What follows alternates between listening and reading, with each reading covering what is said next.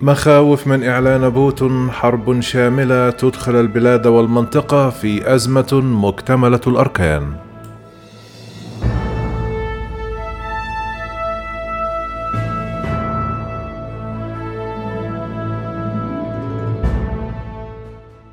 تعتبر الحكومة الروسية هجماتها على أوكرانيا عملية عسكرية لكن غدا قد يشهد العالم تغيرا في اللهجة السياسية الروسية وإعلان حرب شاملة يدخل البلاد والمنطقة في أزمة مكتملة الأركان.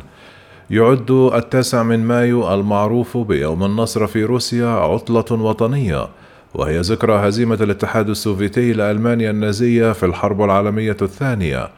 وعادة ما يتميز باستعراض عسكري مفصل في الميدان الأحمر بموسكو. يقول الخبراء أنه بعد أكثر من شهرين من الهجمات الروسية لم يتبقى أمام بوتين سوى خيارات محدودة قد يعلن عنها خلال يوم النصر. أعرب مسؤولون غربيون عن مخاوفهم من أن الرئيس الروسي فلاديمير بوتين سيستغل المناسبة لإعلان الحرب رسميا على أوكرانيا التي هاجمتها روسيا في فبراير. وكان المتحدث باسم بوتين ديمتري بيسكوف قد نفى هذا الأسبوع أن يكون إعلان الحرب وشيكا وأصر على أن الهجوم يظل عملية عسكرية خاصة.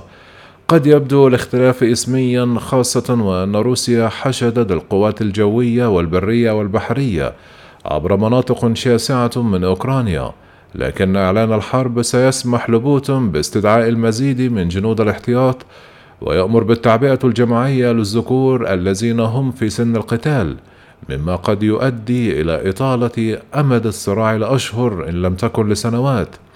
قال فيليب وسيليفسكي الزميل في معهد أبحاث السياسة الخارجية وهو مركز أبحاث مقره واشنطن إن تعيين أوكرانيا منطقة حرب من شأنه أن يحول الصراع إلى صراع وجودي لنظامه في حين أنه سيسمح لموسكو بالتخفيف من حدة القوات التي تقاتل في شرق أوكرانيا وتجديد خطوط الإمداد فمن المرجح أن تمتد مخاطر الحرب الشاملة لبوتين إلى ما هو أبعد من ساحة المعركة. قالت الباحثة الروسية في معهد دراسات الحرب ناتاليا بوجايوفا إن التعبئة الكاملة مكلفة للغاية من الناحية السياسية وتضع بوتين في موقف يهدد استقرار نظامه. كما أضافت فقط لأن الروس ربما يدعمون الحرب وبشكل خطابي متزايد لا يعني ذلك أنهم يريدون القتال والموت فيها. وعلى الرغم من المصاعب السياسية يتعين على فلاديمير بوتون أيضا أن يأخذ في الحسبان رغبات كبار ضباطه العسكريين الذي ورد أن بعضهم مستاء من تحول التوغل الخاطف تجاه العاصمة كيف إلى صراع طاح على قطاع من البحر الأسود.